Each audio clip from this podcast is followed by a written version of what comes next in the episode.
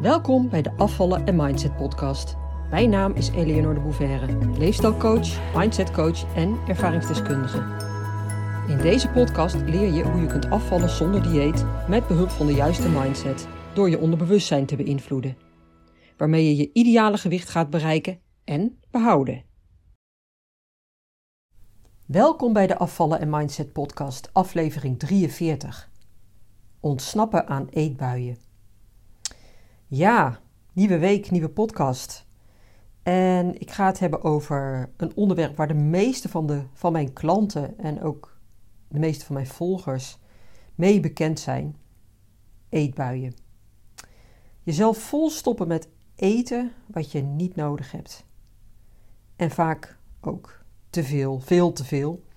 Of in ieder geval meer dan jouw energiehuishouding aan kan of nodig heeft. En daar zitten natuurlijk allerlei gradaties in. Want wat voor de een als eetbui doorgaat, is dat voor de ander nog helemaal niets. En waar de een zich volstopt met een zak drop, denkt een ander misschien: waar heb je het over? want die persoon die stopt zich misschien vol met drie rollen koekjes, tien boterhammen met chocopasta en dan nog het overgebleven eten van de avond ervoor. En misschien zelfs nog wel hartstikke koud omdat er geen geduld is om het überhaupt nog op te warmen en het gewoon niet meer uitmaakt. Als het maar naar binnen gewerkt wordt. Ja. En of je het nou allemaal in je maag laat zitten of dat je zelfs je vinger in je keel stopt, ook dat laat ik even in het midden. Ik kom alles tegen. De meest uiteenlopende ervaringen, allerlei vormen van eetbuien en manieren hoe daarmee om te gaan. Ik blijf dus ook uit het begrip, of eigenlijk het label, de diagnose, eetstoornis. Die heb ik zelf ook ooit gekregen en heeft achteraf gezien meer kwaad gedaan dan goed. En misschien dat ik daar nog een keer een podcastaflevering aan besteed. Want ook dit is iets wat belangrijk is om te weten. En wat ook een enorme valkuil is voor veel mensen zonder dat ze het doorhebben, uiteraard. En misschien dan tussendoor ook even een appel op jou als je dit herkent. En als je misschien zelfs al in het vangnet van de hulpverlening terecht bent gekomen en een diagnose opgeplakt hebt gekregen. En of dat voor jou op dit moment nou helpend is of niet, weet dan dat je los van die hulpverlening er ook op een andere manier uit kunt komen. Meestal veel beter en sneller zelfs. En ik spreek uit ervaring. Niet alleen mijn eigen ervaring trouwens, maar ook die van honderden andere mensen die ik in de loop der jaren heb mogen begeleiden. Waarmee ik overigens niet zeg dat hulpverlening per definitie fout is. He, begrijp me niet verkeerd. Dat is uiteraard per persoon verschillend. Maar weet in ieder geval dat het ook anders kan. Volg je eigen gevoel, je eigen intuïtie hierin. En vooral heel belangrijk, laat je niets opleggen of aanpraten. Blijf bij jezelf. Maar even terug naar die voorbeelden die ik net noemde van eetbuien. Als je hier iets van herkent, luister dan vooral even verder. En wat op jou dan ook van toepassing is, wat het dan ook is, of je meer van die categorie zak drop bent of van een chocoladereep, omdat je na één dropje of één stukje chocolade drang had om door te gaan, of je de neiging meer hebt naar die andere categorie en tijdens zo'n eetbui werkelijk alles in je mond stopt wat los en vast zit, of je misschien ergens tussen die twee voorbeelden in zit. Waar ik het nu over ga hebben, en wat ik je mee ga geven, er zit altijd iets van waarde voor je in. Dus doe er je voordeel mee. Heel even naar mijn eigen ervaring op dit vlak, want die heb ik. Behoorlijk zelfs. Ik draag wat dit betreft een enorme rugzak met me mee. Jaren en jarenlang heb ik bijna dagelijks eetbuien gehad. En ik noemde het eerder vreedbuien. En ik zat dan ook meestal in die laatste categorie. Hè? Dus alles wat Ik at alles wat los en vast zat. Dat, ik, ik werkte werkelijk alles naar binnen. En ik plande die vreedbuien dan ook vaak. In, in sommige periodes zelfs dagelijks. En ik voelde. Ik voelde dat ik die vreedbuien ook nodig had. En dat klinkt misschien gek. Hoewel ik denk dat voor heel veel mensen die deze podcast luisteren. Ja, waarschijnlijk ook weer niet. Maar ik had ze nodig. Die vreedbuien. Om me staande te houden. Omdat ik me onveilig voelde omdat ik bang was, me, angstig voelde. En het klinkt misschien wat dramatisch, maar ik had echt het gevoel dat ik het leven niet goed aankon. En dat ik met die vreedbuien me wel staande kon houden. Ik vergelijk het ook wel eens met een andersoortige verslaving. Want voor mij was het ook echt een verslaving. Waar een ander drank gebruikt, alcohol of drugs, of hè, ook wel sigaretten misschien, om zich staande te houden, was dat voor mij met eten. Eten was daadwerkelijk een druk voor me. En als het bij jou hopelijk minder dramatisch of heftig is dan het bij mij destijds was, dan wil dat nog niet zeggen dat het voor jou ook minder erg is. dus bijvoorbeeld als jij ook eetbuien hebt, maar het bij die zak dropjes blijft. Want we zijn vaak geneigd om een ervaring in gradaties te stoppen of, nou, hoe zeg je dat, te categoriseren. Wat ik heb meegemaakt is veel erger dan waar jij nu doorheen gaat. Weet je wel? Dat. Dat vergelijken. Ook omdat mensen misschien wel eens tegen je gezegd hebben: Ja, je moet niet klagen, want er zijn mensen die het veel zwaarder hebben dan jij. of iets in die trant. Maar dat is helemaal niet aan de orde of nodig.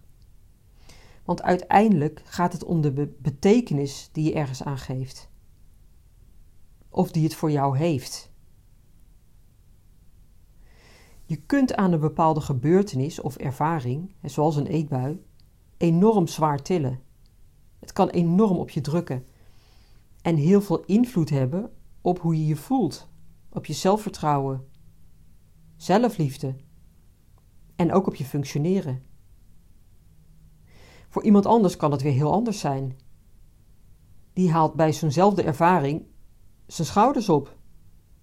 Dus wat voor de een echt een drama is, hoeft dat voor een ander helemaal niet te zijn. Simpelweg omdat we allemaal anders omgaan met ervaringen en er verschillende betekenissen aan geven. En dat hangt samen met ja, met verschillende factoren. en ik noem dat voor het gemak even alles wat eronder ligt. Dat heeft bijvoorbeeld te maken met hoe jij in het algemeen met dingen omgaat vanuit een bepaalde gemoedstoestand. Dus de manier waarop je denkt. ben jij positief ingesteld? Of misschien wel een beetje een doemdenker? Of zit je ergens daartussenin? En dat hangt meestal weer samen met je achtergrond. Waar kom je vandaan? Hoe was je jeugd? Kom je uit een heel veilig en fijn gezin? Of was er vroeger altijd gedoe? ben je veel gepest? Heb je ziektes meegemaakt of misschien ziektes in je nabije omgeving? Of heb je op een andere manier trauma's opgelopen? En zomaar even wat voorbeelden. Dingen die allemaal te maken kunnen hebben met jouw relatie met eten.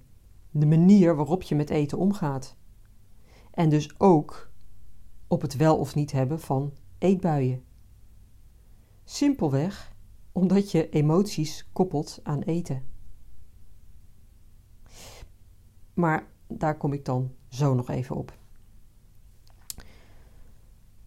Wat overigens ook een hele belangrijke factor is, eentje die de meeste mensen niet zien of niet willen zien, heeft juist ook te maken met je familiesysteem.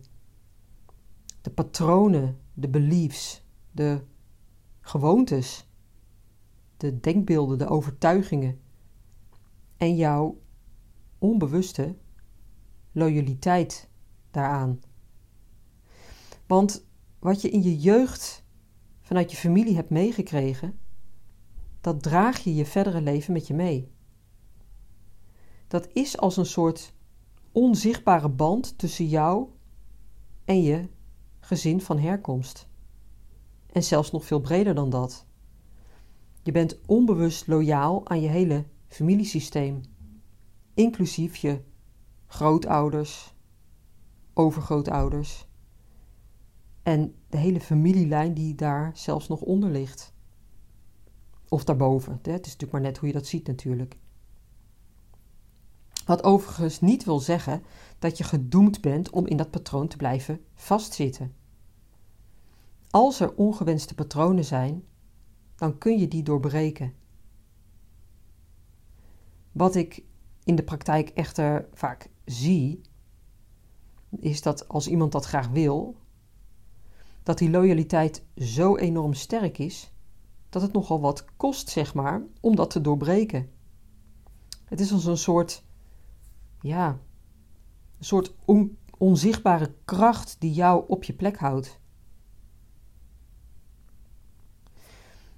En dit kan trouwens ook te maken hebben met je eetpatroon met eetbuien of met overgewicht hebben en blijven vasthouden. Ik had een tijdje geleden een klant bij wie dat heel sterk bleek te spelen. De invloed van haar moeder, die overigens al lang overleden was, die speelde een hele grote rol in haar dagelijks leven. Haar moeder, die altijd vrij dominant was geweest en die bepaalde waarden had meegegeven, maar ook bepaalde overtuigingen, die zij, die klant van mij dus, maar heel moeilijk durfde los te laten. Want het was ook haar veiligheid, haar houvast.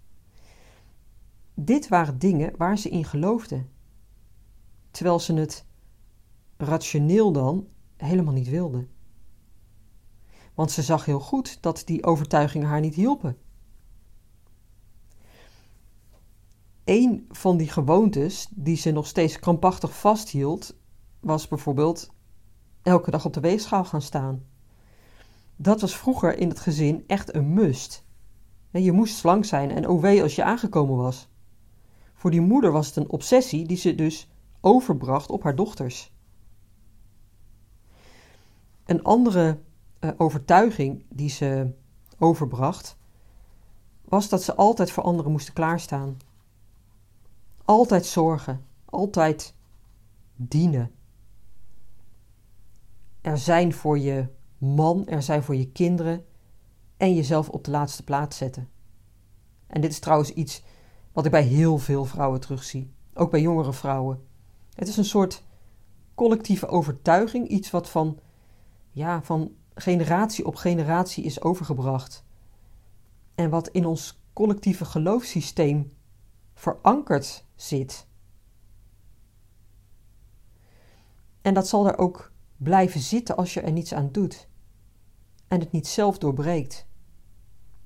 Want het lijkt, hè, dit voorbeeld dan, hè, dus dat voorbeeld van het dienen en jezelf wegcijferen, dat lijkt misschien op het eerste gezicht heel goed, heel nobel en heel helpend, maar dat is het absoluut niet.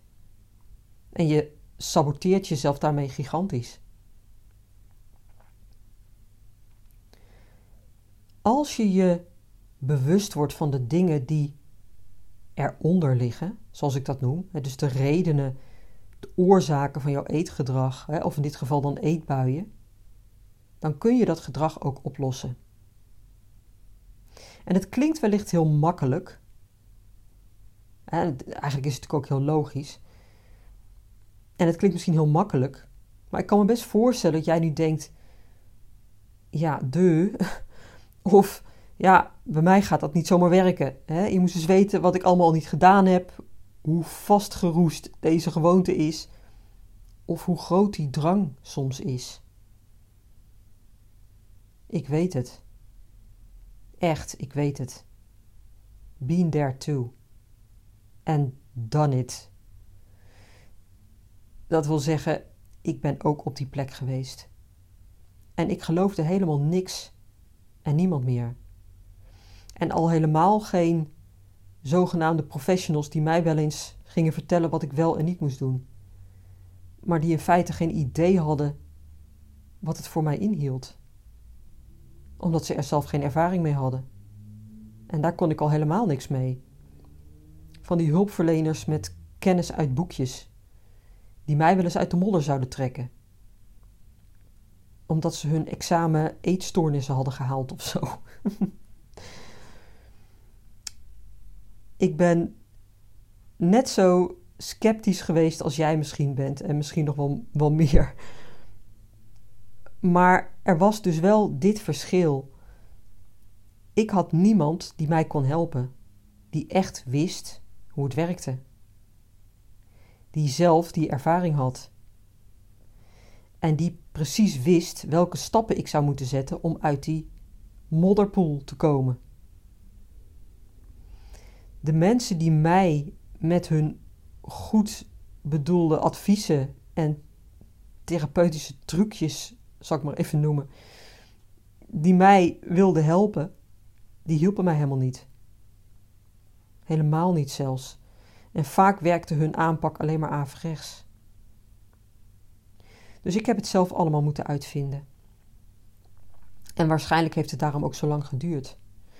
Terwijl ik weet, ik ben ervan overtuigd, dat dat helemaal niet hoeft. Je hoeft er geen jaren over te doen om uit deze ellende te komen. Ook dat is een overtuiging, een, een collectieve overtuiging die wij met z'n allen eigenlijk in stand houden. En veranderen is moeilijk. Kost heel veel tijd. Nee. Maar als jij dat gelooft, dan is dat zo. Oké, het is dus belangrijk om je bewust te zijn van alle shit, de oorzaken die ertoe geleid hebben dat je eetbuien hebt.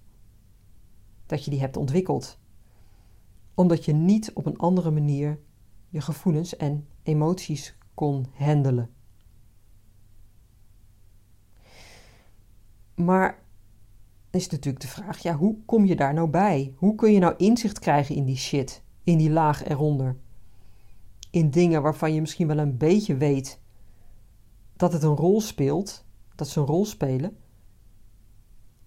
maar wat altijd bij het weten is gebleven.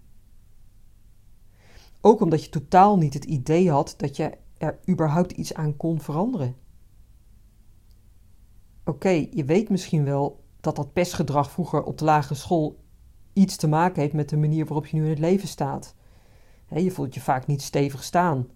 Je voelt je soms onzeker, vooral in grote groepen. Daar voel je je dan niet veilig. En misschien heeft dat ook wel invloed op die eetbuien. En dit dan even als voorbeeld, hè? Want er kan natuurlijk van alles meespelen. Het hoeft niet per se met vroeger te maken te hebben. Het kan ook zijn dat je onderhuids niet echt tevreden bent met je huidige leven. Dat er onrust is, iets in je relatie of financiële problemen, problemen op je werk, te veel stress die je maar moeilijk kunt hanteren wat het dan ook is.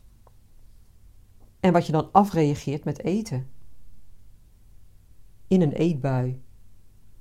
Hoe dat er dan ook concreet voor jou uitziet. Bewustwording is stap 1, zeg ik altijd. En dan, dan is het vooral belangrijk om die shit, en daarmee bedoel ik de gevoelens en emoties die daarmee gepaard gaan, ook echt in de ogen te kijken ze aan te gaan. Want wat je doet als je ze dempt met eten, dan vlucht je ervoor weg. Dan wil je ze niet voelen. Dan gooi je als het ware de deksel erop. En dat lijkt dan even te werken, maar het is natuurlijk maar een schijnoplossing. Een tijdelijke oplossing, die niet eens een oplossing is, want het werkt alleen maar in je nadeel. En je weet dat. En eigenlijk wil je het ook helemaal niet. Maar je weet simpelweg niet hoe anders. Dus je houdt jezelf staande door te gaan eten. Als je dit voor jezelf gaat erkennen, is dat al een hele belangrijke volgende stap. Lijkt misschien wat voor de hand liggend, maar ik weet uit eigen ervaring, maar ook wat ik bij mijn klanten zie, dat het zo makkelijk is om ook hiervoor weg te vluchten. Om dit niet aan te gaan, het niet aan te willen kijken, omdat het te pijnlijk is, te confronterend.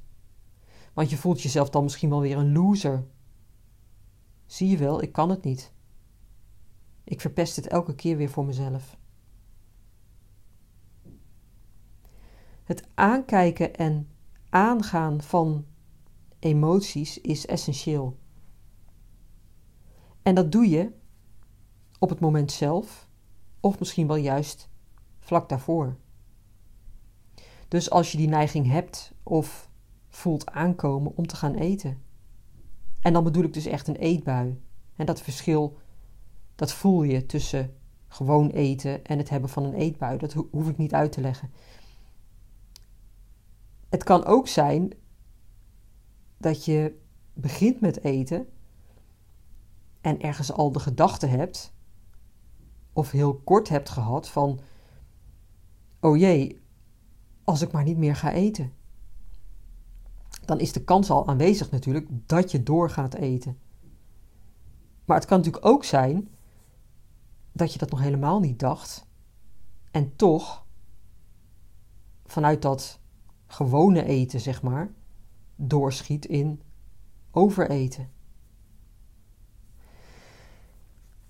Hoe dan ook, hoe dat bij jou dan ook werkt of, of eruit ziet. In al die gevallen is het belangrijk dat je de emoties en gevoelens die je van tevoren of tijdens het eten of vlak daarna hebt, dat je die gaat aankijken.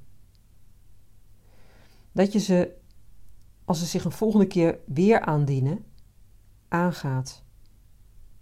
Dat je bereid bent om daar doorheen te gaan. Dus in plaats van ervoor weg te vluchten met een eetbui, de confrontatie aangaat. Hoe je dat doet, dat leer ik je in mijn programma. Maar waar je natuurlijk ook zelf nu al mee kan beginnen, hè, door die eerste stappen te zetten, door dit voorwerk als het ware te doen. En je zult merken dat als je echt bereid bent om dit te gaan doen, en dan heb ik het dus niet over proberen, hè, ik ga het maar eens proberen, maar echt gaan doen, dus echt het besluit neemt om dat te gaan doen, dat je daarmee al een zekere rust voor jezelf gaat creëren. Omdat je al wat meer grip hebt gekregen op die eetbuien een handvat hoe dit aan te pakken, hoe dit te gaan oplossen. Het geeft je niet alleen inzicht, maar het geeft je ook vertrouwen. Vertrouwen in een oplossing. Zodat je uiteindelijk kunt ontsnappen aan die eetbuien.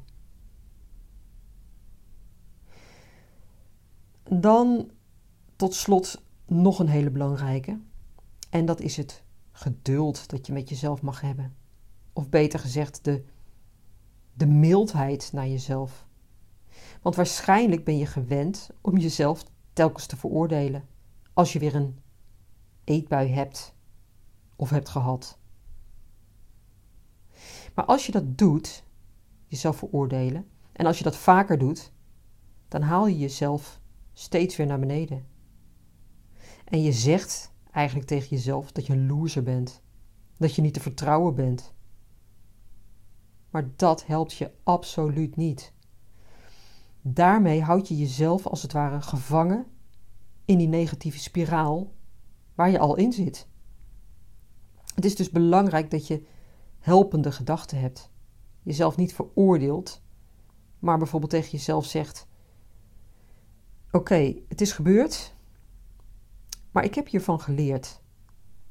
Het heeft me weer iets ja, het heeft me weer iets geleerd. Het heeft me weer iets meer inzicht gegeven in wie ik ben. In waar ik vandaan kom. En in de oorzaak van dit patroon.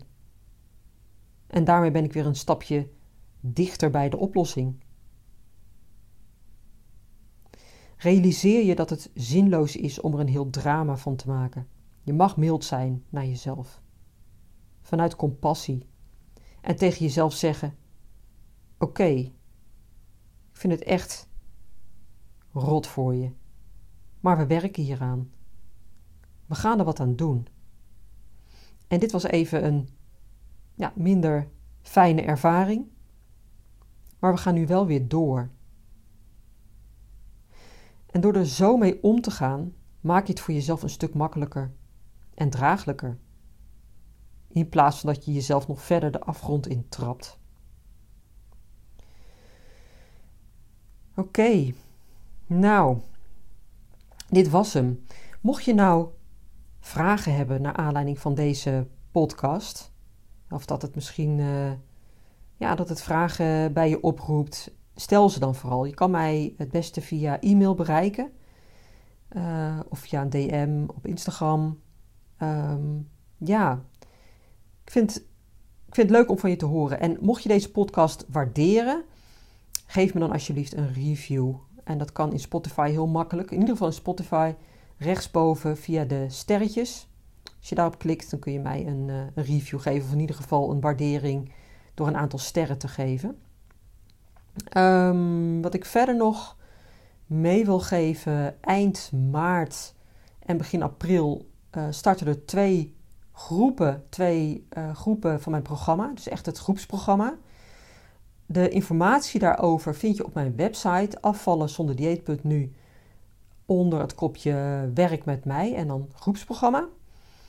En ja, dat wordt echt een waanzinnig programma waarin je echt heel veel gaat leren samen met een groep. En dat heeft echt een enorme meerwaarde, want je leert van elkaar. Je leert van mij, je leert van elkaar ook heel erg. Uh, het is een intensief programma.